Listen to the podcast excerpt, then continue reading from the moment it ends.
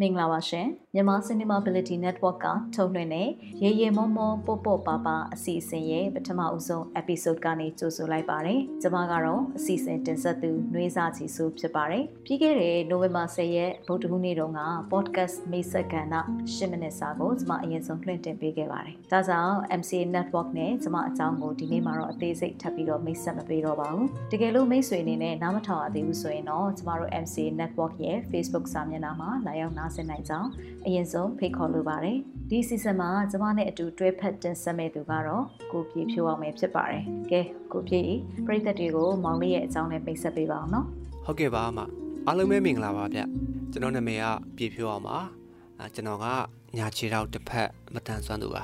အခုလက်ရှိမှာတော့မြန်မာနိုင်ငံမတန်ဆွမ်းသူများရှေ့ဆောင်ဖွဲ့မီလီမာ Radio Program Officer အနေနဲ့တာဝန်ထမ်းဆောင်ရင်းနဲ့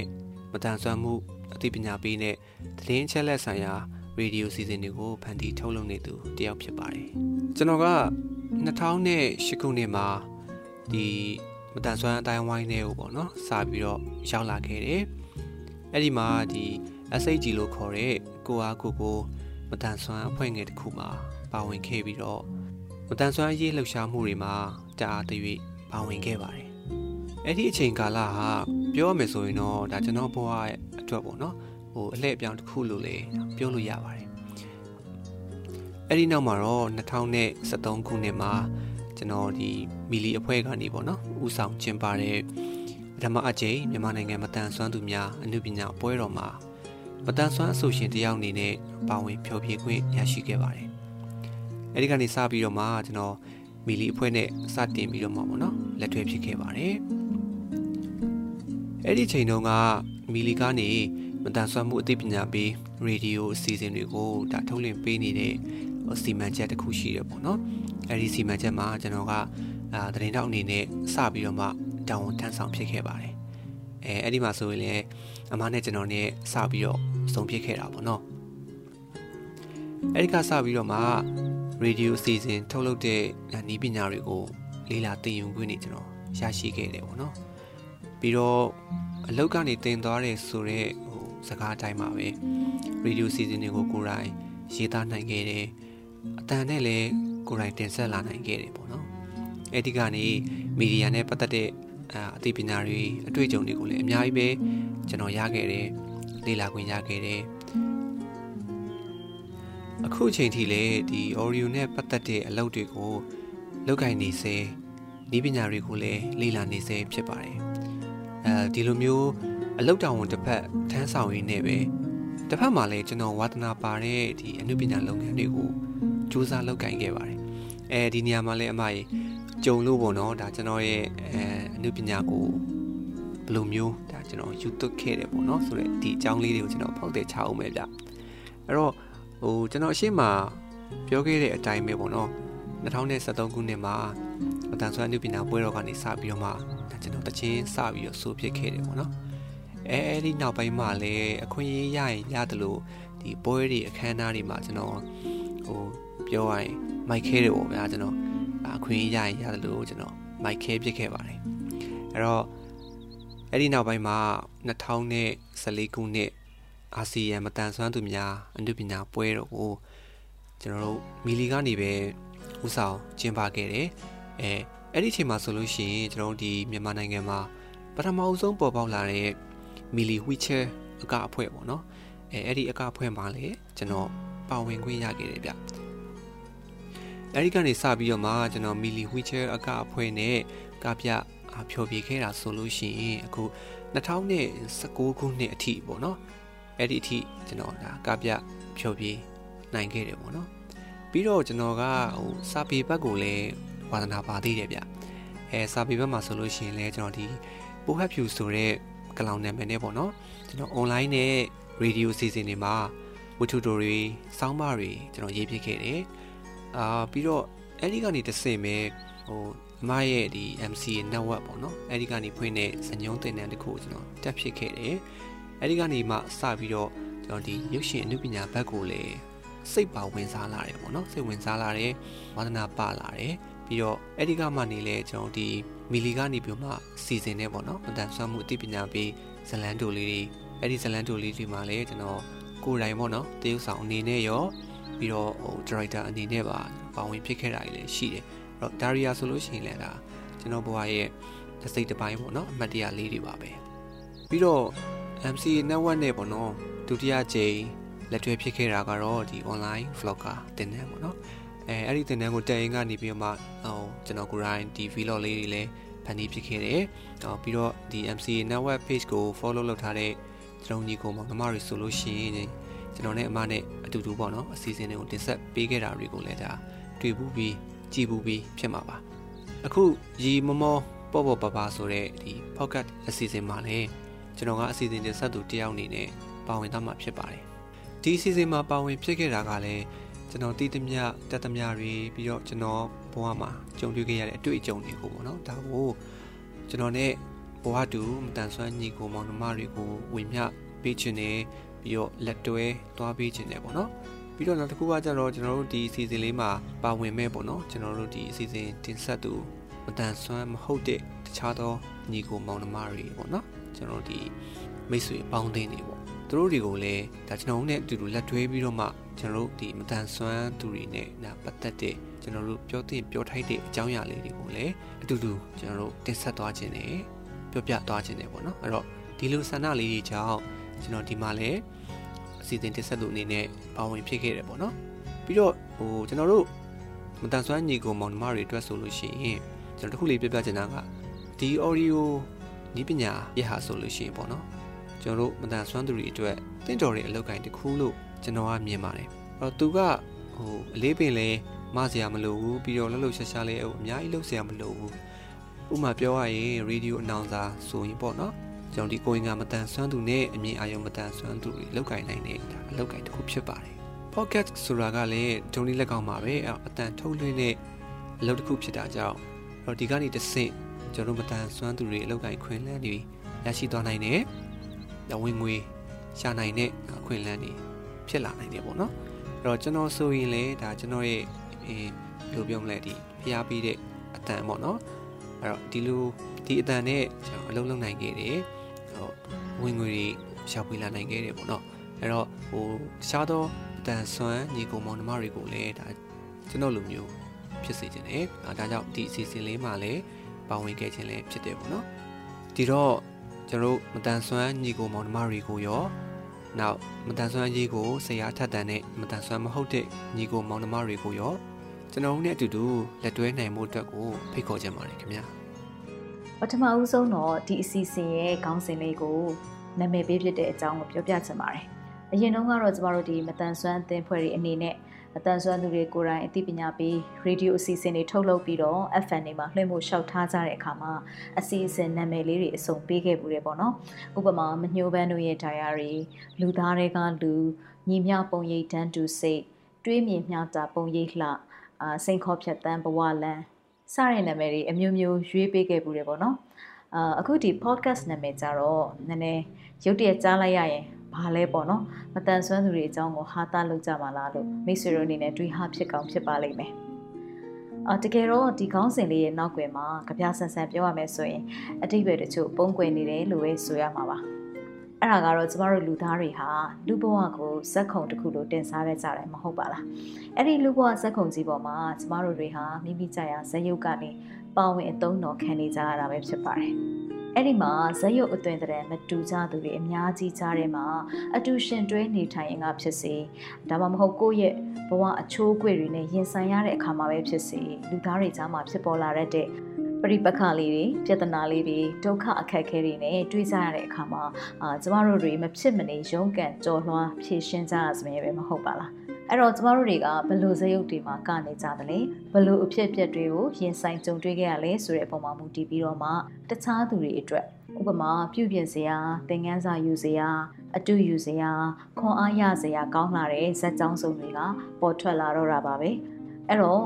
တစ်ချိန်ကမိမိကြုံတွေ့ခဲ့ရတဲ့အဖြစ်အပျက်တွေကိုအခုလိုပြန်လဲတင်ဆက်နေတဲ့အချိန်မှာတော့အာကျမတို့တွေရေရင်မောမောပို့ပို့ပပပြောနိုင်ကြမယ်လို့ယုံကြည်မျှော်လင့်တယ်လို့အဲ့ဒီအချိန်မှာရော သူဘလောက်များခက်ခဲပင်ပန်းခဲ့မလဲဘလောက်များဘဝထဲမှာရုန်းကန်ရတာမောနေမလဲလို့ကိုချင်းစာတရားနဲ့စိတ်ထက်တွေးတောနိုင်မှလည်းဖြစ်ပါတယ်ဒါကိုကျမတို့က empathy လို့ခေါ်ရပေါ့နော်ဒီတော့ကျမတို့အစီအစဉ်ရဲ့တစ်စိတ်တစ်ပိုင်းသောကဏ္ဍတွေကနေထင်ဟပ်လာမဲ့ပုံရိပ်တွေကိုမှန်းဆကြည့်နိုင်မှုအတွက်အခုလိုမျိုးဒါပြောပြပေးခြင်းဖြစ်ပါတယ်။အာနောက်တစ်ခုကကျတော့ကျမတို့တင်ဆက်ပုံမှာလည်းပုံမှန်ကြားနေကြအသိပညာပေးတဲ့ကိစ္စတွေကိုပဲအာတမျိုးတစ်ဖုံထူးထူးခြားခြားဖြစ်အောင် ပြည်သူအတန်နဲ့တင်ဆက်ခြင်းလို့ခေါ်တဲ့ Vox Pop ပုံစံမေးမြန်းခြင်းတွေအပါအဝင်အရွယ်ဆုံးအလွှာဆုံးကနားထောင်သူတွေကပါအတူတကွပါဝင်တင်ဆက်ခွင့်ရအောင်အထူးစီမံထားတဲ့အတွက်ကြောင့်မို့လို့ဒီအစီအစဉ်ကရေရှည်မှာကျမတို့လိုတင်ဆက်သူအသစ်တွေပေါ်ထွက်လာနိုင်မယ်လို့လည်းယုံကြည်မျှော်လင့်ပါတယ်။ဒါကြောင့်မို့လို့ကျမတို့နှစ်ယောက်ကနေပြီးတော့ဒီအစီအစဉ်လေးကိုရဲရဲမောမောပုတ်ပုတ်ပပလို့နာမည်ပေးခဲ့တာပါ။ အာနောက်ထပ်ဘာကြောင့်ဒီလိုနာမည်ပေးဖြစ်လဲဆိုလို့ရှိရင်ကျမတို့ငယ်ငယ်ကမြန်မာဖတ်စာမှာသင်ခဲ့မှုတဲ့စာအတူလေးကိုသတိရကြမလားတော့မပြောတော့ဘူးအာကျမကလေးတွေလိုစာစုပြမယ်ပေါ့နော်အာဇောကာကနေသည်ခါကောထားပါရဲရဲမောမောပေါပေါပါပါတော်တော်မောဒလာကဲဇော်ကြီးလေးကတော့ဘဝဆက်ခုံမှာခါကော့ရင်မော့ပြီးကနိုင်သေးရင်ကျမတို့တွေကရောဒီချိန်မှာဘာလို့ရဲရဲမောမောပေါပေါပါပါမပြောနိုင်ရမှာလဲ အာဒါဆိုလို့ရှိရင်တချို့တော့လူတွေကကျမကိုပြောမယ်ပေါ့နော်အဲ့ဒီရေမောပေါ့ပါနေတဲ့သူတွေထဲမှာကျွန်တော်တို့ကျမတို့တော့မပါသေးဘူးဆိုရင်လေစိတ်မပူပါနဲ့မိတ်ဆွေဒါဟာတသက်လုံးဒီတိုင်းပဲဖြစ်နေမှာမဟုတ်ပါဘူးဒါအခိုက်အတန့်လေးတစ်ခုကိုကျမတို့အတူရုန်းကန်ကြော်ဖြတ်နေရတယ်လို့ပဲသဘောထားပြီးတော့ခွန်အားယူရဲရင်ဖို့အထူးပဲကျမကတိုက်တွန်းလိုပါတယ်ကိုပြည့်သိလား ဘဝဇက်ခုံမှာကားပြရမယ်ဆိုရင်တော့လေမန်နွေကတငယ်တော့အယုတ်ကလေးကိုအရန်သဘောကျတယ်သိလားကျုံလုံးပြောရအောင်မယ်အဲ့တငယ်တော့ယုတ်ကလေးလိုပဲဖြစ်ချင်တယ်ဘာလဲဆိုတော့သူကြည့်ရတာအဖြစ်ကင်းစင်တယ်ချစ်ဖို့ကောင်းတယ်နောက်ပြီးတော့အမအမြင်ဆိုရင် smart ကြတယ်ပေါ့နော်ဘာလို့လဲဆိုတော့အမဒီ2019ခုနှစ်မှာဒီဥရောပဘက်ကယူရှင်ပွဲတော်တက်တုံးอ่ะဆိုရင်သူတို့ကကိုယ့်နိုင်ငံရဲ့ယဉ်ကျေးမှုကိုဖော်ထုတ်နိုင်တဲ့ပစ္စည်းတစ်ခုခုတည်ခဲ့ပါဆိုတော့ အဲ့နဲ့အမပိုကျိုးစေးမှာတငယ်တော်ယုံလေးသွားရှာပြီးဝဲတာပေါ့နော်ပြီးရင်ကြောပွေးမှာအမချိတ်သွားတယ်နောက်တော့အဲ့ပွဲတော်မှာမှတ်တမ်းဗီဒီယိုတီးဖြတ်နေတဲ့ editor တယောက်ကတွေ့သွားပြီးတော့သူ့ကလေးလေးအတွက်လက်ဆောင်ပေးခြင်းလို့သဘောကျလို့ပါဆိုပြီးလာတောင်းတာနဲ့အမှတ်တရပေးဖြစ်ခဲ့တယ်ပေါ့နော်ဒါပေမဲ့ဒီတငယ်တော်လေးကမခေဘူးနော်အမတို့ဒီမှတ်မှတ်ရရပေါ့1996ခုနှစ်တုန်းကဆိုလို့ရှိရင်အမတို့နိုင်ငံက visit Myanmar year ဆိုပြီးတော့လုပ်ခဲ့တယ်လေအဲ့တော့ဆိုလို့ရှိရင်ဒီအယုတ်ကလေးကိုတန်တမန်အဖြစ်ခံထားတာတွေ့ရတယ်အဲ့တော့အဲ့တော့ဆိုရင်သူ့ကို attach case လေး ကင်ထားခိုင်းတယ်ပြပါစံလေးနှစ်ဖက်စီထားတယ်အဲရွှေလက်ကောက်တွေရွှေချေချင်းကြီးတွေဝတ်တယ်ပြီးရင်အချိတ်လုံးကြီးလိုဟာမျိုးလေးကိုအာဂရောင်းကြိုက်ထားတယ်အင်ဂျီလက်အနားမှာအတွန့်လေးတွေပါတယ်ပေါ့နော်ဆိုတော့အဲအဲ့လိုအယုတ်ကလေးတွေဒီလမ်းစုံတွေမှာလေအလှပြထားတာတွေ့ရအဲတော်တော်လေးကို smart ကြတယ်ပေါ့နော်ကြည့်ရတာအញ្ញသဘောကျခဲ့တယ် ဟုတ်တယ်မဟုတ်လားကိုပြည့်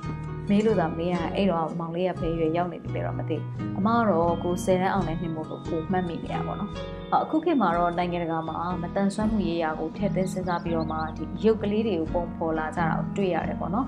အာဒီရုပ်ကလေးတွေကနေပြီးတော့မှအားလုံးကျုံးဝင်တဲ့ထည့်သွင်းစဉ်းစားမှုတွေမြင်ရတယ်အာတနည်းအားဖြင့်ဒီအယုတ်ကလေးတွေကိုသူတို့ကဒီဇိုင်းကာလာပြောင်းတယ်ပုံစံအနေအထားတွေပြောင်းတယ်ပြောင်းပြီးတော့မှသူတို့ကအာပြန်ပြီးတော့မှ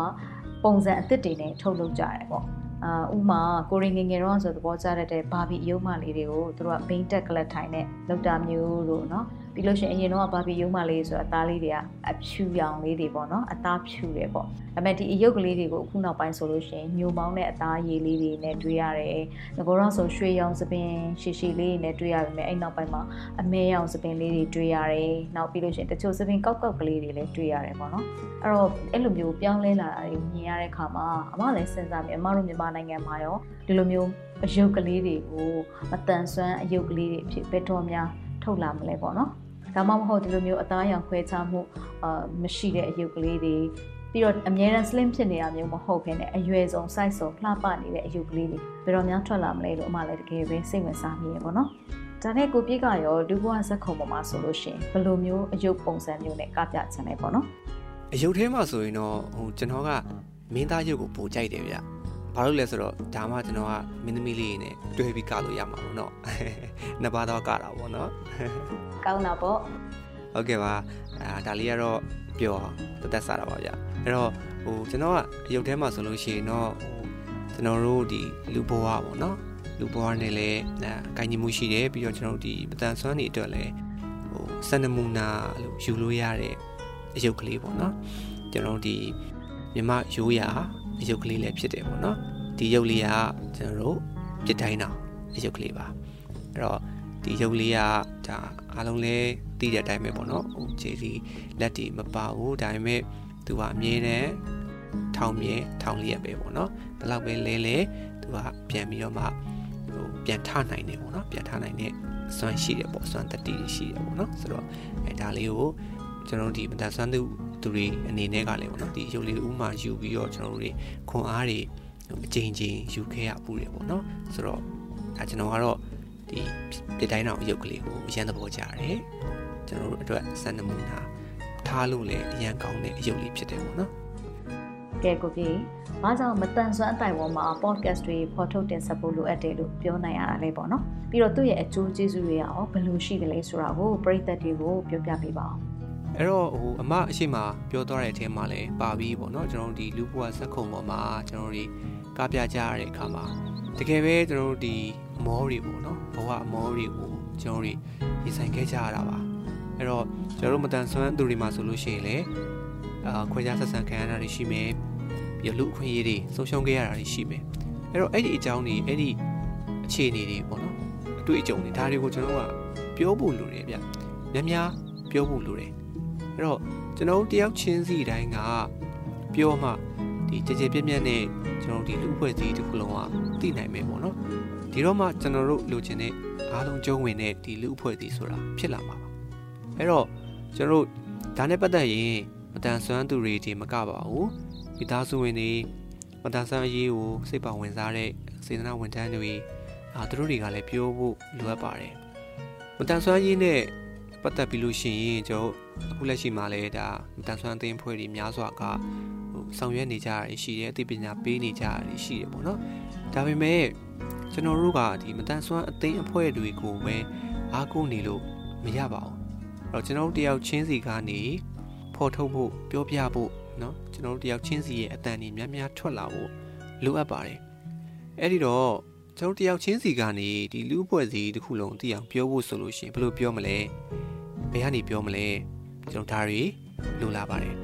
အဲ့တော့ဒါတွေကိုဖြည့်ရှင်းပေးနိုင်တဲ့နီလန်တစ်ခုကတော့ကျွန်တော်ဒီ podcast ဆိုတဲ့နီးပညာတစ်ခုပါပဲကျွန်တော်တို့ကအိမ်ထဲမှာပဲနေရင်းနဲ့ကျွန်တော်တို့ပြောချင်တာကျွန်တော်ရင်ဖွင့်ချင်တာတွေကိုဝေမျှချင်တာတွေကိုဒီ podcast နည်းပညာနဲ့ကျွန်တော်တို့ကပြောနိုင်နေပါပြီအဲ့တော့မတန်ဆွမ်းအတိုင်ဝန်းအတွက်ပေါ့နော်ဒီ podcast ကလည်းဒီရေးပါတဲ့အခန်းကဏ္ဍတစ်ခုအနေနဲ့ရှိနေပြီ ဒါကိုကျွန်တော်ကအစပြုပြီးတော့မှသုံးဆွဲဖို့လိုအပ်တယ်ကျွန်တော်တို့လေ့လာဖို့ပေါ့နော်သင်ယူဖို့ဒါတွေလိုအပ်နေပါပြီအဲ့တော့ကျွန်တော်ရဲ့ဒီ radio season တွေကိုဖန်တီးထုတ်လုပ်ခဲ့တဲ့ပေါ့နော်ဒီတက်တန်းတစ်လျှောက်မှာဆိုလို့ရှိရင်လည်းတွေ့ကြုံရပြောရမယ်ဆိုလို့ရှိရင်ကျွန်တော်တို့ထုတ်လွှင့်ခဲ့တဲ့ radio season တွေကိုနားထောင်ပြီးတော့အာစိတ်သက်ပိုင်းရပေါ့နော်အားမငယ်တော့ဘူးတိမ်ငယ်မနေတော့ဘူးခွန်အားတွေရလာပြီးစတဲ့ဒီမတန်ဆွမ်းသူတွေရဲ့ ဒီခံစားချက်တွေအခြေအနေတွေဒါတွေကိုကျွန်တော်တို့ပြန်ပြီးတော့မှကြားသိခဲ့ရတယ်ပေါ့နော်ပြီးတော့ကျွန်တော်တို့ရဲ့ဒီအစီအစဉ်ကနေပေးတဲ့အာတရင်အချက်လက်တွေကိုလည်းနားထောင်ပြီးတော့မှဒါတချို့မတန်ဆွမ်းသူတွေဆိုလို့ရှိရင်အတမွေးတင်တန်းချောင်းတွေဒါတွေကိုတွားပြီးတော့မှတက်ဖြစ်သွားကြတယ်ပေါ့နော်သူတို့ဆက်သွယ်ပြီးတော့မှကျွန်တော်တို့ရဲ့အစီအစဉ်ကနေဖုန်းနံပါတ်တွေရပြီးဆက်သွယ်ပြီးတော့မှသူတို့တွားပြီးတော့တက်ဖြစ်ကြတယ်အဲဒီကနေပြန်ပြီးတော့မှအာတင်တန်းဆင်းလာတဲ့ခါမှာလည်းကိုယ့်ရဲ့ data မှာ ဝင်ငွေရှာနိုင်တဲ့သူတွေဖြစ်သွားကြတယ်ပေါ့နော်အဲ့တော့ကိုချီတော့ပေါ်ကိုရက်တည်နိုင်တဲ့သူတွေဖြစ်သွားကြတယ်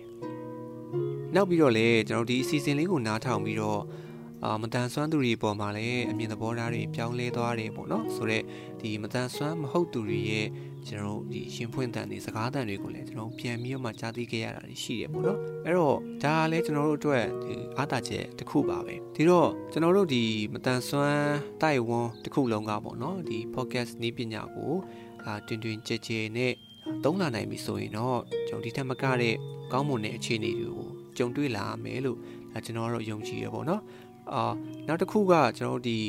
podcast အစီအစဉ်တွေမှာကျွန်တော်တို့မတန်ဆွမ်းသူတွေကိုယ်တိုင်ပေါ့နော်အစီအစဉ်တင်ဆက်လာတဲ့အခါမှာကျွန်တော်တို့မတန်ဆွမ်းသူတွေကိုယ်တိုင်ရဲ့အစီအစဉ်တင်ဆက်နိုင်တယ်ဆိုတဲ့စွမ်းရည်ဖော်ထုတ်ပြီးသားလဲဖြစ်တယ်ပေါ့နော်အဲ့တော့ဒီအစီအစဉ်မှာဝင်ပြီးတော့အတန်အားဖြင့်ပါဝင်တာပဲဖြစ်ဖြစ်ပြီးတော့နော်ဇလန်နေဇညွန်းနေဒါတွေနဲ့ပါဝင်တာပဲဖြစ်ဖြစ်ပေါ့နော်ကျွန်တော်ဒီမတန်ဆွမ်းသူတွေရဲ့ ဒီစွမ်းရည်တွေအဲတနည်းအားဖြင့်အနုပညာစွမ်းရည်တွေဒါတွေကိုချပြခွင့်ရမယ်အများပြည်သူကလည်းမတန်ဆွမ်းတဲ့သူတွေဒီလိုမျိုးเนาะဒါဒီလိုလုပ်ငန်းတွေမှာလောက်ကင်နိုင်မှာလားဆိုတော့ဒီအသိအမြင်တွေရလာမယ်ပေါ့เนาะဒါကြောင့်မလို့ကျွန်တော်ကဒီနည်းပညာဟာကျွန်တော်ဒီမတန်ဆွမ်းအတိုင်းဝိုင်းအတွက်ပေါ့เนาะပို့ပြီးတော့မှဒါ လိုအပ်တယ်လို့ဒါကျွန်တော်ကတော့မြင်နေပေါ့နော်ပြီးတော့ဟိုတခါတလေမှလဲပေါ့နော်ကျွန်တော်တို့ဒီမတန်ဆွမ်းသူတွေအနေနဲ့ပေါ့နော်ကိုယ့်ရဲ့ခံစားချက်တွေရင်ဖွင့်ချင်တာတွေရှိမယ်ပေါ့နော် ပြီးတော့နောက်ဒီမတန်ဆွမ်းသူတွေနဲ့ကြုံတွေ့ဘူးတဲ့အာအခြေအနေလေးတွေဒါလေးတွေကိုလည်းဒီမတန်ဆွမ်းမဟုတ်သူတွေကလည်းဒါသူတို့ပြောပြချင်တာတွေဟိုဝေးမျှချင်တာတွေရှိမှာပဲပေါ့နော်အဲ့တော့ဒါတွေကိုကျွန်တော်အပြင်မှာမပြောပြတဲ့အခါဟိုဘသူ့ကိုပြောရမှန်းမသိတဲ့အခါမျိုးတွေမှာကျွန်တော်ကဒီ pocket ကနေပြီးတော့မှတစ်ဆင့်ပြောပြလို့ရတယ်အဲ့တော့အဲ့လိုပြောပြလိုက်တဲ့အခါမှာလည်းကျွန်တော်ကနားထောင်မဲ့သူတွေကလည်းကျွန်တော်အများကြီးရှိနေပြီ ကျွန်တော်ရဲ့ podcast တခုတင်လိုက်ပြီဆိုလို့ရှိရင်ကို့မှာဟို follower များရင်များသလိုပေါ့နော်ဒီ social media သုံးနိုင်တဲ့ဖြန့်ကျက်နိုင်တဲ့လက်တံရှိရင်ရှိသလိုပေါ့နော်ဖြန့်ကျက်နိုင်တဲ့အင်အားကောင်းရင်ကောင်းသလိုကျွန်တော်ကဒီကိုယ့်ရဲ့ပြောတဲ့အကြောင်းအရာတွေပေါ့နော်နားထောင်ပေးမဲ့သူတွေကလည်းရှိလာနေပြီနောက်ပြီးတော့ podcast တွေဖန်တီးခြင်းကနေပြီးတော့မှကျွန်တော်တို့ဝင်ငွေရှာလာနိုင်တဲ့အထီးပေါ့နော်အခွင့်အလမ်းတွေရှိလာနိုင်တယ် အဲ့တော့နောက်တစ်ချိန်မှာလည်း podcast ကအခုထက်ပိုပြီးတော့မှဒါကျေပြန့်လာနိုင်ခြင်းရှိတယ်ဒါကြောင့်မို့လို့ဒီနည်းပညာကိုကျွန်တော်တို့တွေကကြိုတင်ပြင်ဆင်လေ့လာထားကြဖို့လိုအပ်ပါတယ်ကျွန်တော်အခုကလေးကဒါကြိုတင်ပြင်ဆင်လေ့လာထားမှသာလေနောက်ချိန်တကယ်တမ်းအခွင့်အလမ်းတွေပေါ်လာတဲ့အခါမှာကျွန်တော်တို့ကချက်ချင်းပေါ့နော်ဖန်ဆုပ်ယူနေမှာဖြစ်တယ်ဒါကြောင့်မို့လို့အခုတွေကအစပြုတ်ထားဖို့လိုအပ်တယ်လို့ကျွန်တော်ကတော့အကြံဉာဏ်ပေးချင်ပါတယ်ခင်ဗျာ ဒီတော့ကျမတို့အစီအစဉ်မှာပါဝင်နိုင်ဖို့အလွှာပေါင်းစုံကအသိပညာရှင်အတတ်ပညာရှင်တွေအပြင်မတန်ဆွမ်းအတိုက်ဝန်းမှာကျင်လည်နေကြသူတွေရောမိဘပြည်သူပေါင်းကပါကျမတို့ရဲ့စကားဝိုင်းထဲမှာအတူတူကဝေမျှပေးနိုင်ဖို့လေကျမတို့ဘက်ကနေပြီးတော့အသက်အရွယ်မရွေလိန်စိတ်ခံယူမှုမရွေမတန်ဆွမ်းမှုမရွေအလုတ်အကင်မရွေတိုင်းရင်းသားမရွေအရောက်စီတိုင်းကိုဖိတ်ခေါ်ထားပါတယ် တကယ်လို့မိတ်ဆွေတို့မှာတင်ဆက်မှုအတွေ့အကြုံမရှိသေးဘူးဆိုရင်လေကျမတို့ကနီးပညာပိုင်းဆိုင်ရာသင်ပြမှုနဲ့အကြံဉာဏ်တွေပေးရင်လက်တွဲခေါ်ပေးဖို့စီစဉ်ထားပါတယ်မိတ်ဆွေတို့ဘက်ကလည်းတစ်ဖက်သက်နားထောင်ရုံနဲ့မဟုတ်ဘဲနဲ့အပြန်အလှန်ပူးပေါင်းပါဝင်တဲ့ပုံစံနဲ့ဖန်တီးမဲ့အစီအစဉ်ကောင်းတွေရှိနေတာမို့လို့လက်လွတ်မသွားရအောင်အပတ်စဉ်ထုံးလွှင့်မဲ့အပိုင်းအလိုက်ကျမတို့နဲ့အတူစီမျောပါဝင်ဖို့အထူးပဲဖိတ်ခေါ်လိုပါတယ်အနည်းဆုံးစက္ကန့်30ကနေအများဆုံး episode တစ်ပိုင်းစာအထိပေါ့နော် မိတ်ဆွေတို့မှာဖြည့်စရာတွေပြောစရာတွေဝေမျှစရာအကြောင်းအရာလေးတွေရှိနေမယ်ဆိုရင်တော့တခုအကြံပေးချင်တာကအတန်ပိုင်းအားဖြင့်ဖွင့်ဆိုရှင်းပြနိုင်တဲ့အရေးအသားမျိုးတွေဒါမှမဟုတ်အပြောအဆိုမျိုးတွေနဲ့တင်ဆက်နိုင်ဖို့လိုပါတယ်။ဒါမှသာအမြင်အာရုံမတန်ဆွမ်းသူညီကိုမောင်နှမတွေကအခြား podcast စိတ်ဝင်စားတဲ့သူတွေပါလွယ်ကူရှင်းလင်းပြီးတော့မှနားလည်နိုင်မယ့်တင်ဆက်မှုမျိုးဖြစ်ပါတယ်။ဒါကလည်းသိစိတ်ပူစရာတော့မလိုပါဘူး။တခုပဲကိုကလက်တန်းပြောရတာကိုအာတန်လား အချက်အလက်လေးတွေမှတ်တေးထားပြီးတော့ပြင်ဆင်ဝေမျှရတာကိုပိုသဘောကျလားဒါမှမဟုတ်အသေးစိတ်ရေးသားခြင်းနဲ့ဆိုရင်တော့ဥပမာ A4 တမျက်နှာကို Unicode font size နဲ့16နံပါတ်သုံးပြီးတော့မှရေးမယ်ဆိုလို့ရှိရင်စကားပြောအနေနဲ့အကြံပြ1မိနစ်စာအမတို့သတ်မှတ်လို့ရပါတယ်အဲ့တော့အဲ့စာသားအနေနဲ့ပြင်ဆင်ပြီးတော့မှအပြောလေ့ကျင့်မယ်ပြီးလို့ရှိရင်အတန်သွင်းပြီးတော့မှအမတို့စီကိုပြန်ပြီးတော့ပို့ပေးလို့ရပါတယ်ဒါကတော့ကိုယ်စကားပြောတဲ့လေယူလေသိမ်းပေါ်မှာမူတည်ပြီးတော့မှ အဲ A4 တမျက်နှာစာဟာ1မိနစ်ကြော်ရင်လည်းကြော်မယ်ဒါမှမဟုတ်1မိနစ်ပြည့်ချင်မှလည်းပြည့်မယ်ပေါ့နော်ဒါကတော့တိတ်ကိစ္စမရှိပါဘူးအဓိကကတော့ကိုယ့်လက်ထဲမှာဖုန်းတစ်လုံးရှိုံနဲ့ကဘာကြီးနဲ့အဆက်ပြတ်မသွားအောင်လုပ်လို့ရတဲ့နည်းပညာတွေကတခုဖြစ်တဲ့ podcast နားထောင်ခြင်းအဆင့်ကနေကိုယ်တိုင်ပံဝင်ဖန်တီးနိုင်တဲ့အဆင့်အထိတိုးတက်လာမှာဖြစ်တယ်လို့မိတ်ဆွေကနည်းပညာလေ့လာမှုအားကောင်းရင်ကောင်းသလားတစ်ချိန်ချိန်မှာမိမိရဲ့အကျိုးစီးပွားအတွက်ပဲဖြစ်ဖြစ် မိမိလောက်ကင်နေတဲ့အဖွဲ့အစည်းဒါမှမဟုတ်ရက်ရွာအတွက်ပဲဖြစ်ဖြစ်ကိုယ်ပိုင်ရေဒီယိုအစီအစဉ်လေးတွေထုတ်လွှင့်လာနိုင်မှာဖြစ်တယ်။အဲဒီကနေတဆင့်တဆင့်နဲ့ဝင်ငွေရလာနိုင်တဲ့အထိလဲကိုယ်အစွမ်းရှိသလောက်ခြေဆန့်လို့ရနိုင်တဲ့အခွင့်အရေးလည်းဖြစ်ပါတယ်။ကဲဒါဆိုရင်တော့ကျမတို့အစီအစဉ်မှာပါဝင်ဖို့အတွက်ဘာတွေလိုအပ်လဲဆိုတာလေးကိုပြောပြချင်ပါတယ်။အဲ့ဒါကတော့မိမိရဲ့အမည်အရင်ဒါမှမဟုတ်အမှုပညာအမည်နဲ့အတူ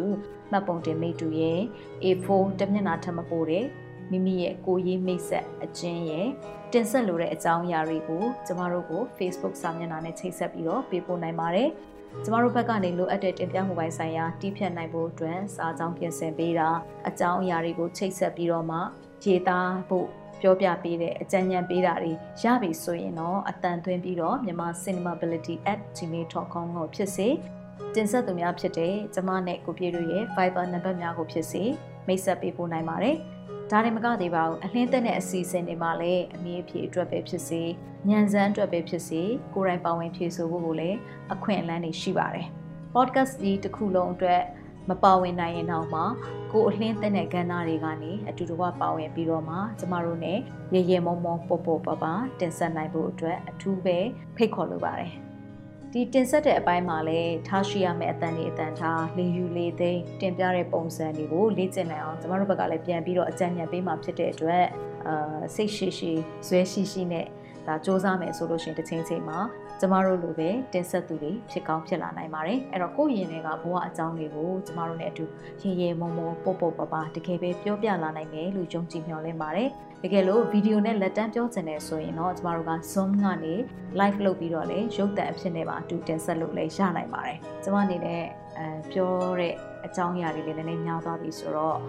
အဲ့တော့ကိုပြစ်ကပဲအမပြောသွားတဲ့အထည်တွေမှာလိုအပ်တဲ့အကြောင်းအရာလေးတွေရှိရဆိုလို့ရှိရင်နည်းနည်းဖြည့်ဆွက်ပြီးတော့ပြောပြပေးပါအောင်နော် အမပြောသားသလိုပါပဲအော်ကျွန်တော်ဒီစီစဉ်လေးမှာပါဝင်တင်ဆက်ကြတဲ့အခါမှာမတန်ဆွမ်းသူတွေကြီးပဲကျွန်တော်တင်ဆက်ကြမယ်မတန်ဆွမ်းသူတွေကပဲပြောမယ်ဆိုတာမျိုးပေါ့နော်ကျွန်တော်ရဲ့အစီအစဉ်လေးမှာမရှိပါဘူးအဲ့တော့ဘယ်သူမဆိုလာရောက်ပြီးမှဆွေးနွေးလို့ရတယ်တင်ဆက်လို့ရတယ်ပေါ့နော်ဘာလို့လဲဆိုတော့ကျွန်တော်တို့ကဒီမတန်ဆွမ်းအရေးလို့ပြောတဲ့အခါမှာမတန်ဆွမ်းသူတွေနဲ့ပဲတက်ဆိုင်တာမဟုတ်ပါဘူးမတန်ဆွမ်းအရေးကိုဆောင်ရွက်နေတဲ့သူတွေနဲ့ပဲတက်ဆိုင်တာမဟုတ်ပါဘူး ကျွန်တော်တို့ကလူတိုင်းနဲ့သက်ဆိုင်ပါတယ်အဲ့တော့လူတိုင်းမှာလည်းမတန်ဆွမ်းအကြောင်းနဲ့ပတ်သက်လို့ပြောခွင့်ရှိပါတယ်အဲ့တော့ဘာကြောင့်လဲဆိုတော့ဒီမတန်ဆွမ်းသူတွေဟာကျွန်တော်လူအဖွဲ့အစည်းတစ်ခုလုံးရဲ့ဒီအစိတ်ပိုင်းလေးတစ်ခုဖြစ်တယ်ပေါ့နော်အဲ့တော့ကျွန်တော် chip saw လို့ခေါ်တဲ့ဒီရုပ်ပုံဆက်ကစားနည်းလေးနဲ့ပေါ့နော်ဥမာပြောရရင်ကျွန်တော်ရုပ်ပုံလေးတွေကိုဆက်ပြီးတော့ကစားတဲ့အခါမှာပုံလေးတစ်ပုံလောက်ကြံခဲ့မယ်ဆိုရင်ကျွန်တော်ထည့်ပြီးတော့ဆက်မထားဘူးဆိုလို့ရှိရင်ဒီရုပ်ပုံဟာ မပြည့်စုံဘူးပြီးတော့အဲ့နေရာလေးမှာလည်းကွက်လက်လေးဖြစ်နေမယ်ပေါ့နော်အဲ့တော့ကြည့်လို့မကောင်းတဲ့ရုပ်ပုံတစ်ခုဖြစ်နေမှာပါအဲ့တော့အဲ့ဒီလွတ်နေတဲ့ပုံလေးကိုထည့်ဆက်လိုက်မှကျွန်တော်ပြီးပြည့်စုံတဲ့ရုပ်ပုံလေးတစ်ခုဖြစ်သွားမယ်ကျွန်တော်လှပတဲ့ရုပ်ပုံလေးတစ်ခုဖြစ်သွားမယ်ပေါ့နော်အဲ့တော့ဒီသဘောတရားလေးအတိုင်းပါပဲလူအဖွဲ့အစည်းရဲ့အစိတ်ပိုင်းတစ်ခုဖြစ်တဲ့မတန်ဆွမ်းသူတွေရဲ့အရေးကိစ္စအားလည်းကျွန်တော်လူသားတိုင်းနဲ့ဆိုင်ပါတယ်အဲ့တော့အခုချိန်မှာလည်းကျွန်တော်ခြေလက်အင်္ဂါတွေပြည့်စုံတန်ဆွမ်းနေပေမဲ့လည်းတစ်ချိန်ချိန်မှာအကြောင်းမျိုးမျိုးကြောင့်နဲ့ ကျွန်တော်တို့ဟာအချိန်မရွေးပေါ့နော်မတန်ဆွမ်းသူတရားဖြစ်သွားနိုင်ပါတယ်ဒါကြောင့်မတန်ဆွမ်းအရေးကိစ္စတန်ဆွမ်းမှုဟာကျွန်တော်လူသားတိုင်းနဲ့သက်ဆိုင်တယ်လို့ကျွန်တော်ကဆိုလိုခြင်းဖြစ်ပါတယ်ဒါကြောင့်ကျွန်တော်ရဲ့ဒီအစီအစဉ်လေးမှာမတန်ဆွမ်းမဟုတ်သူတွေကလည်းပါဝင်ပြီးမှဒါအတွေ့အကြုံတွေဝေမျှလို့ရတယ်ဆွေးနွေးလို့ရတယ်တင်ဆက်လို့ရတယ်ပေါ့နော်ဒီအကြောင်းလေးနဲ့ပတ်သက်လို့လည်းဒါကျွန်တော်ရဲ့အတွေ့အကြုံလေးတစ်ခုကိုပြောပြချင်ပါတယ်အော်ကျွန်တော်မီလီရေဒီယိုစီစဉ်မှာပေါ့နော် ကိုယ်တိုင်လည်းတင်ဆက်ပေးရင်အာစီစဉ်တွေဖန်တီးပေးရင်လည်းဒီနားဆင်သူတတရှင်တွေဖုန်းဆက်လာတဲ့အခါမှာဖုန်းလက်ခံပြောပြရတယ်အာသူတို့သိချင်တာလေးတွေဖြေချပေးရတယ်အဲ့ဒီမှာကျောင်းဆရာမတူဦးနဲ့ဖုန်းပြောဖြစ်ပါတယ်အော်ဆရာမကတော့တန်ဆွမ်းသူပါမတန်ဆွမ်းမဟုတ်တဲ့သူပေါ့နော်အဲ့တော့မတန်ဆွမ်းမှုအကြောင်းလဲဆရာမမသိထားဘူးအစိမ့်သက်သက်ပါပဲဒါပေမဲ့သူ့ရဲ့အတန်းထဲမှာမတန်ဆွမ်းကလေးတူရှိတယ် အဲ့ကလေးကဟိုဂျိုင်းတော့အသုံးပြုတဲ့မတန်ဆွမ်းကလေးတယောက်ပေါ့နော်အစကဆရာမအဲ့ဒီကလေးနဲ့အာဘယ်လိုပြောဆိုဆက်ဆံရမလဲဒီကလေးကိုဘယ်လိုကူညီပေးရမလဲဆိုတာကိုမသိဘူးပေါ့နော်အဲ့လိုမသိတဲ့ခါကျတော့ကလေးနဲ့ဆက်ဆံတဲ့အခါမှာစိုးရိမ်စိတ်ရှိခဲ့တယ်သူပြောလိုက်တဲ့စကားကကလေးကိုသွားများထိခိုက်သွားမလားစိုးရင်ခဲ့တယ်ပေါ့နော်ဒါကြောင့်ဆီယမကကလေးနဲ့တိတ်ပြီးတော့စကားမပြောဖြစ်ဘူးမဆက်သွယ်ဖြစ်ဘူးပေါ့နော်အဲ့တော့ ဒါဟာခွဲခြားဆက်ဆံတာမဟုတ်ပင်မဲ့လေဒီကလေးကိုပေါ့နော်ထိခိုက်မှစိုးတဲ့စိတ်နဲ့ခွဲခြားတယ်လို့တော့ဖြစ်သွားတယ်အဲ့တော့တနေ့မှာဆီယမကျွန်တော်ရဲ့မီလီရေဒီယိုစီစဉ်ကိုနားထောင်ပြီးတော့ဒါဟာမတန်ဆွမ်းအစီအစဉ်တစ်ခုမှန်းသိသွားတဲ့အခါမှာဖုန်းနံပါတ်ကိုချက်ချင်းပဲလိုက်မှတ်ပြီးတော့ကျွန်တော်တို့စီဆက်သွယ်တယ်ဒီကလေးကိုသူဘယ်လိုကူညီပေးရမလဲအာဘယ်လိုမျိုးပြောဆိုဆက်သွယ်ရမလဲဒါတွေကိုမေးပါတယ်ပြီးတော့အကြောင်းကဒီတခြားသောကျောင်းသူကျောင်းသားတွေဆရာဆရာမတွေကိုလည်း ပတန်ဆွမ်းဒီကလေးနဲ့ပတ်သက်တဲ့အသိပညာပေးတဲ့သဘောမျိုးပေါ့နော်သူကပြောပြချင်တယ်ဒါပေမဲ့မပြောပြတတ်ဘူးဖြစ်နေတယ်အဲ့တော့ဒါကိုဘယ်လိုလုပ်ရမလဲပေါ့နော်ဆိုပြီးတော့ကျွန်တော်တို့ ਨੇ ဆက်သွယ်လာတယ်အဲ့ဒီခါမှာလည်းကျွန်တော်တို့ကဒီမတန်ဆွမ်းမှုနဲ့ပတ်သက်တဲ့အကြောင်းအရာလေးတွေကိုရှင်းပြလိုက်တယ်ပြောပြပေးလိုက်ပါတယ်ပေါ့နော်အဲ့ဒီခါမှာဒီမတန်ဆွမ်းမှုနဲ့ပတ်သက်တဲ့သဘောတရားလေးတွေနားလည်သွားတဲ့အခါမှာဒီမတန်ဆွမ်းကလေးနဲ့မတန်ဆွမ်းကျောင်းသားလေးနဲ့ပို့ ပြီးတော့မှပြောဆိုဆက်သွယ်ဖြစ်လာတယ်ဒီကလေးလိုအပ်တာလေးကိုလည်းသူကဆရာမကကူညီပေးဖြစ်လာတယ်ပြီးတော့ဟိုတခြားသူတွေကိုလည်းသူကပြန်ပြောပြဖြစ်တယ်ပေါ့နော်ဆရာမကဒီတန်ဆွမ်းမှုနဲ့ပတ်သက်တဲ့အကြောင်းအရာလေးကိုပြန်ပြီးတော့မှပြောပြဖြစ်တယ်အဲ့အာပြီးတော့ဒီမတန်ဆွမ်းကလေးနဲ့ပတ်သက်တဲ့ဝိထုဇန်လန်တူလေးတပုတ်ဆိုရင်လေသူကရေးပြီးတော့မှဟိုကျွန်တော်တို့ရဲ့အစီအစဉ်မှာလွှင့်ပေးဖို့ဆိုပြီးတော့မှစောင်းမှုပေးပို့လာတဲ့အထီကိုဆရာမရဲ့စိတ်အားထက်သန်မှုပေါ့နော်ဒါလေးတွေကိုကျွန်တော်က မြင်တွေ့ခဲ့ရတယ်ပေါ့အဲ့တော့ဒီအဖြစ်အပျက်လေးကိုကြည့်မယ်ဆိုလို့ရှိရင်ကျွန်တော်ကမတန်ဆွမ်းသူမဟုတ်ပင်မဲ့လေကိုချင်းလျာပတ်ဝန်းကျင်ကိုယ့်ရဲ့လုပ်ငန်းခွင်เนาะဒါမှမဟုတ်ကိုယ့်ရဲ့ဒီကိုကျွမ်းကျင်တဲ့အတိုင်းအဝိုင်းတစ်ခုခုပေါ့နော်ဒီလိုနေရာတွေမှာကျွန်တော်ဒီမတန်ဆွမ်းမှုနဲ့ပတ်သက်တဲ့အကြောင်းအရာတွေပြောပြခြင်းတဲ့အခါပဲဖြစ်ဖြစ်မတန်ဆွမ်းသူတွေနဲ့ကြုံတွေ့လာတဲ့အခါမျိုးတွေမှာပဲဖြစ်ဖြစ်ပေါ့နော်ဒါတွေကိုကိုယ့်ရဲ့အတွေ့အကြုံလေးတွေကိုပြန်ပြီးတော့မှပြောပြခြင်းနဲ့ဝင်မျှခြင်းတဲ့အခါမှာ ကျွန်တော်တို့ဘယ်သူမှစိုးဒါတွေကပြောပြလို့ရတယ်ပေါ့နော်အဲ့တော့လူတိုင်းလူတိုင်းကလည်းကျွန်တော်ထင်ပါတယ်ဒီလိုအတွေ့အကြုံလေးတွေနဲ့တွေ့ကြုံဘူးတဲ့သူများမယ်ထင်ပါတယ်เนาะကျွန်တော်ဒီမတန်ဆွမ်းသူတွေနဲ့ဟိုအရင်ကြီးတော့ဟိုစိမ့်မယ်လို့တော့မထင်ဘူးပေါ့နော်ဒါပေမဲ့ဟိုမတန်ဆွမ်းမှုသဘောတရားကိုသာနားမလဲတာပဲဖြစ်ကောင်းဖြစ်မယ်ပေါ့နော်ဒီမတန်ဆွမ်းသူတွေနဲ့မြင်ဘူးတယ်ကျွန်တော်ကြုံတွေ့ဘူးတယ်ဆိုတော့ဒါလူတော်များများမှာကျွန်တော်ရှိဘူးမှာပါ ဒါကြောင့်မို့လို့လေကျွန်တော်ရဲ့အစီအစဉ်လေးမှာကျွန်တော်ကဒီဘယ်သူမဆိုပေါ့နော်လာပြီးတော့မှကျွန်တော်နဲ့အတူတူဒီမတန်ဆွမ်းသူတွေနဲ့ပတ်သက်တဲ့အကြောင်းအရာတွေကိုရဲ့အတွေ့အကြုံတွေကိုပြောပြရင်းနဲ့မှမယ်ဒီမတန်ဆွမ်းသူတွေအတွက်ပေါ့နော်ဒီတောင်းတနေရကနေပါဝင်အားဖြည့်လို့ရတယ်ဆိုတာကိုကျွန်တော်ကပြောပြချင်တာပေါ့နော်အဲ့တော့ဒီလိုပါဝင်တဲ့အခါမှာကိုပြောချင်တဲ့အကြောင်းအရာကမတန်ဆွမ်းသူတွေအတွက်ပေါ့နော်ထိခိုက်သွားမလားအမှားများပါသွားမလားဒီစတဲ့စိုးရင်စိတ်လေးတွေ ရှိတတ်ကြမှာပါအဲ့တော့ဒါဒီအတွက်ကိုလည်းစိတ်မပူပါနဲ့ပေါ့နော်ကျွန်တော်တို့စီစဉ်တင်ဆက်တဲ့သူတွေကအကောင်းဆုံးပံ့ပိုးကူညီပေးသွားမှာဖြစ်ပါတယ်အဲ့တော့မတန်ဆွမ်းမှုအပိုင်းပဲဖြစ်ဖြစ်ဒီ podcast နည်းပညာအပိုင်းပဲဖြစ်ဖြစ်ကျွန်တော်တို့ကအကောင်းဆုံးကူညီပေးသွားမှာပါဒီလိုပါဝင်တဲ့အခါမှာလည်းကျွန်တော်ထပ်ပြီးတော့ပြောပြခြင်းတဲ့အကြောင်းအရာလေးတစ်ခုကကျွန်တော်တို့ပါဝင်ခြင်းတဲ့ညီကိုမောင်နှမတွေအနေနဲ့ကပေါ့နော်အစီအစဉ်တင်ဆက်သူတွေအနေနဲ့ကကျွန်တော်တို့ကဏ္ဍ၃ခုအနေနဲ့ပါဝင်လို့ရတယ်ပေါ့နော် ဒါကဘာလဲဆိုတာလေးကျွန်တော်နည်းနည်းထပ်ပြီးတော့ရှင်းပြမယ်အဲ့တော့ကဏ္ဍ၁အနေနဲ့ကတော့ကျွန်တော်ရဲ့အစီအစဉ်မှာအယုတ်ရောအတန်ရောပါဝင်ပြီးတော့မှတင်ဆက်လို့ရတဲ့အခြေအနေလေးတစ်ခုလည်းရှိတယ်ပေါ့နော်ဟိုဒါပြောမယ်ဆိုလို့ရှိရင်ကျွန်တော်ဒီဗီဒီယိုနဲ့ဟောအခုဆိုရင်ဒါ Zoom နေခက်စားကြတယ်ဆိုတဲ့ခါကျတော့လေဒီ Zoom နဲ့ပဲဖြစ်ဖြစ်ပေါ့နော်ကျွန်တော်တို့ကဒီဟိုကိုယ့်ရဲ့မိမိရဲ့မျက်နှာကိုပါပေါ်ပြီးတော့မှမျက်နှာရောအတန်ရောပြီးတော့ကိုပြောချင်တဲ့အကြောင်းအရာဟောပေါ့နော်ဒါတွေကိုပါ ဒီကျွန်တော်တို့ကတင်ဆက်ပြောပြတဲ့ပုံစံမျိုးပေါ့နော်ဆိုတော့ဒီလိုပုံစံမျိုးနဲ့ကျွန်တော်တို့ရဲ့အစီအစဉ်မှာပါဝင်တင်ဆက်လို့လည်းရတယ်အဲ့တော့မိမိရဲ့မျက်နှာနဲ့အတန်ရောပေါ့နော်အကြောင်းအရာတွေဟောတခါတည်းပေါ်ပြခြင်းတယ်ဆိုလို့ရှိရင်လည်းကျွန်တော်ကဒီလိုပုံစံမျိုးနဲ့တင်ဆက်လို့ရတယ်နောက်ထပ်ကဏ္ဍနှစ်ပေါ့နော်ကဏ္ဍနှစ်ကတော့ကျွန်တော်ကမိမိရဲ့ရုပ်ကိုတော့ဒီမျက်နှာကိုတော့မဖော်ပြခြင်းဘူးပေါ့နော်ကျွန်တော်အတန်နဲ့ပဲအကြောင်းအရာကို ပြောပြခြင်းနဲ့တင်ဆက်ခြင်းနဲ့ပေါ့နော်ဟိုတချို့ကျတော့ရှိရလေဒီဟောကင်မရာရှေ့မှာထိုင်ပြီးတော့စကားပြောမှကြောက်တာတို့ရှက်တာတို့ပေါ့နော်ပြီးတော့ကိုယ့်ရဲ့မျက်နှာကိုဒီဗီဒီယိုတွေမှာဖော်ပြမှာမဖော်ပြခြင်းတဲ့သူတွေလည်းရှိမှာပဲလေဆိုတဲ့အခါကျတော့အဲ့လိုမျိုးကျွန်တော်ရဲ့အစီအစဉ်မှာဒီအတန်ကြီးပဲပေါ့နော်အတန်ကြီးပဲဒီကိုပြောခြင်းတဲ့အကြောင်းအရာနဲ့ပေါ့နော်လာပြီးတော့မှတင်ဆက်လို့လည်းရတယ်ပေါ့နော်နောက်ဆုံးတစ်ချက်ကတော့ကျွန်တော် ရှိမှပြောခဲ့တယ်လို့ပဲပေါ့နော်မြည့်အဲမျက်နှာကိုလည်းမဖော်ပြခြင်းဘူးပေါ့နော်မျက်နှာကိုလည်းမဖော်ပြခြင်းမူကိုဘသူဘဝဖြစ်တယ်ဆိုတော့လည်းပြောပြခြင်းမူပြီးတော့အဲအတန်နဲ့တော့တင်ဆက်တာမှန်တယ်မျက်နှာမဖော်ပြခြင်းတဲ့အတွက်အတန်နဲ့တော့လာပြီးတင်ဆက်မယ်ဒါပေမဲ့အတန်နဲ့တင်ဆက်တဲ့အခါမှာလည်းကိုဘသူဘဝဆိုတာကိုလည်းမဖော်ပြခြင်းဘူးပေါ့နော်ပြီးတော့ဟိုတချို့သောအကြောင်းအရာတွေကဒီဥမာ rate cake လိုဟာမျိုးပေါ့နော်ဒါမျိုးတွေဆိုလို့ရှိရင်ကျွန်တော်ကဒီ ဘသူဘဝဖြစ်တယ်ဆိုတာမျိုးတွေဖော်ပြဖို့မသင့်ဘူးပေါ့နော်အဲ့လိုအခါမျိုးတွေမှာဒီကိုယ့်ရဲ့ identity ကိုမဖော်ပြဘဲနဲ့ဒီအစီအစဉ်မှာပါဝင်ခြင်းတဲ့သူတွေအနေနဲ့ကလည်းပါဝင်လို့ရတယ်ဆိုတာလေးကိုလည်းကျွန်တော်ကပြောပြချင်ပါတယ်เนาะအဲ့တော့ဒီလိုအပိုင်းတွေမှာဆိုလို့ရှိရင်လည်းကျွန်တော်တို့အစီအစဉ်တင်ဆက်သူတွေနဲ့အကောင်းဆုံးညှိနှိုင်းတိုင်ပင်ပြီးတော့မှကျွန်တော်တို့ဤပညာပံ့ပိုးမှုနဲ့အတူတူပေါ့နော်အစီအစဉ်တွေကိုပါဝင်တင်ဆက်လို့ရပါတယ်။ဥပမာဟိုတချို့ဆိုလို့ရှိရင် သူတို့ကပြောလိုက်တဲ့အကြောင်းအရာလေးတစ်ခုပေါ့နော်ကျွန်တော်ဒီဘက်အစီအစဉ်တင်ဆက်သူတွေအနေနဲ့ကအတန်အစားထိုးပေါ့နော်သူတို့ကိုစားပြောပြပေးတာမျိုးပဲဖြစ်ဖြစ်ပေါ့နော်ဒါမျိုးလေးတွေကျွန်တော်တို့ကကူညီပေးလို့ရပါတယ်နောက်တစ်ခုကကြတော့ကျွန်တော်တို့မတန်ဆွမ်းသူတွေထဲမှာဥပမာကျွန်တော်တို့ရဲ့ဒီ pocket အစီအစဉ်မှာဆိုလို့ရှိရင်ကိုရင်ကမတန်ဆွမ်းသူတွေနဲ့အမြင်အာရုံမတန်ဆွမ်းသူတွေကတော့ဒါဘာဖြစ်ပြောဟိုအစဉ်ပြေပြေနဲ့ပါဝင်လို့ရတယ်ပေါ့နော်ဒါပေမဲ့ကျွန်တော်ရဲ့ဒီအတန်ပိုင်းဆိုင်ရာအစီအစဉ်တွေမှာပါဝင်ဖို့ခက်ခဲတဲ့သူတွေလည်း ရှိနေကြပါသေးတယ်ဒါလေးကိုလည်းကျွန်တော်ဒီမှာဝေမျှချင်ပါတယ်အဲ့တော့ပထမတစ်ချက်ကတော့ဒီတငင်နာအကျော်တင်းလို့ခေါ်တဲ့မတန်ဆွမ်းမှုတစ်မျိုးပေါ့နော်ကျွန်တော်ဒီကိုရင်ကမတန်ဆွမ်းမှုတွေမှာလည်းပါတယ်ပေါ့နော်ဒီမတန်ဆွမ်းမှုအမျိုးအစားကြတော့ဟိုကကိုရင်ကမတန်ဆွမ်းလို့ပြောပေမဲ့လည်းဒီစကားပြောတဲ့အခါမှာခက်ခဲရှိတဲ့သူတွေရှိတယ်ဟို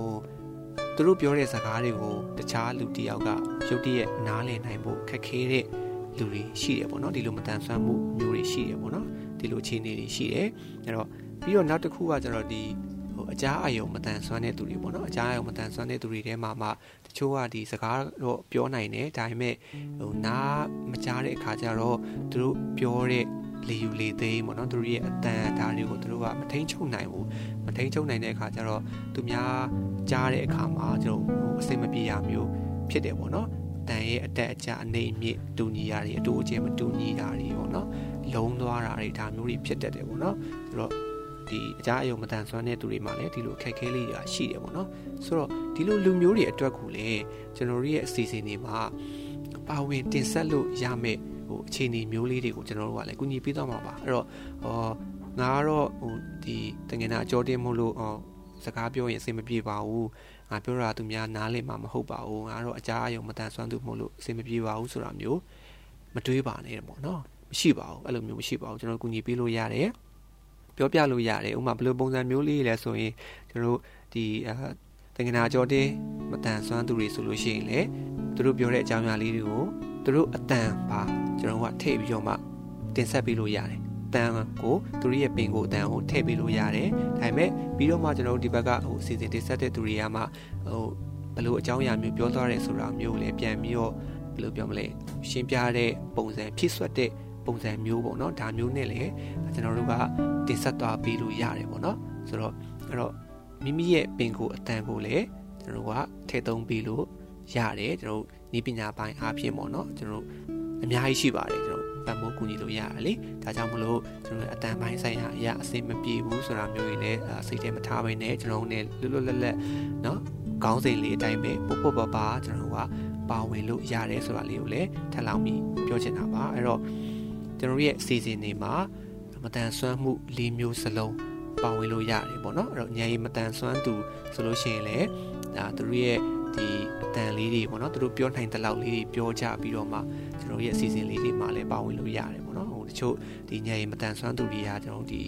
အာဝကြရှေကြီးစကားရှေကြီးမပြောတတ်ဘူးပေါ့နော်တူတူတုတ်တုတ်လေးနဲ့ပြောတတ်တာမျိုးလေးလည်း အဲရှိတယ်ဆိုတဲ့အခါကျတော့လေသူတို့ပြောနိုင်တဲ့လောက်လေးနဲ့ပြောပြီးတော့မှကျွန်တော်ရဲ့စီစဉ်လေးမှာလည်းပါဝင်လို့ရတယ်ဆိုတာလေးကိုလည်းကျွန်တော်ကထပ်ပြီးပြောချင်တာပေါ့နော်အဲ့တော့ကျွန်တော်ဒီမတန်ဆွမ်းမှုလေးမျိုးစလုံးရောနောက်တခြားတော့ဟိုအမှပြောတဲ့ထဲမှာဆိုရင်လည်းအများကြီးပဲပေါ့နော်မတန်ဆွမ်းမဟုတ်တဲ့သူတွေထဲမှာမှအများကြီးပဲ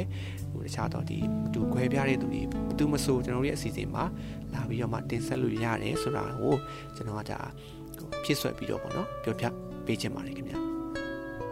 နောက်ဆုံးတစ်ချက်ကတော့ကျမတို့ကွန်ရက်ကအလေးပေးလှုပ်ဆောင်တဲ့စံနှုန်းတစ်ခုအနေနဲ့ပူးတွဲတင်ဆက်သူနဲ့မူပိုင်တင်ဆက်သူတွေကြားမှာအပြန်အလှန်တာဝန်ယူမှုတာဝန်ခံမှုရှိနိုင်ဖို့အတွက်မိမိတို့ရဲ့တင်ဆက်မှုတွေကိုမိမိတို့တာဝန်ယူကြောင်းနှစ်ဦးသဘောတူလက်မှတ်ရေးထိုးထားမှာဖြစ်တယ်။အာဒီနည်းနဲ့ပဲ MCA network နဲ့ရေရှည်လက်တွဲနိုင်မဲ့တင်ဆက်သူကောင်းတွေကိုလည်းမွေးထုတ်သွားနိုင်ဖို့ရည်ရွယ်တဲ့အတွက်ယခုလိုလှုပ်ဆောင်အခြင်းဖြစ်ပါတယ်။ ဒါမှသာပူးတွဲတင်ဆက်တဲ့သူတွေအနေနဲ့လည်းကျမတို့ network ကိုယုံယုံကြည်ကြည်လေးလေးဆဆနဲ့အပြန်အလှန်ပူးပေါင်းဆောင်ရွက်မှုတွေကိုလှုပ်ဆောင်နိုင်မှာဖြစ်တယ်။နောက်ပိုင်းမှာဒီကအတွေ့အကြုံကောင်းတွေကိုရရှိသွားမယ်ဆိုလို့ရှိရင် podcast channel တစ်ခုကိုယ်ပိုင်တည်ထောင်ပြီးတော့လှုပ်ဆောင်တဲ့အခါမှာလည်းအများကြီးအကျိုးရှိနိုင်မှာဖြစ်ပါတယ်။ ဒီတော့တင်ဆက်သူတွေရဲ့ကျင့်ဝတ်စံနှုန်းတွေကိုလေးစားလိုက်နာခြင်းဟာယခုဖန်တီးမှုအတွက်ရောနောင်ရေရှည်မှာဖန်တီးလာမယ့်အကြောင်းအရာတွေအတွက်ပါတကယ်ပဲအလေးကျင့်ကောင်းတွေမွေးထုတ်ပေးသွားနိုင်မှာဖြစ်ပါတယ်။ကဲဒီလောက်ဆိုရင်တော့ကျမတို့အစီအစဉ်ကို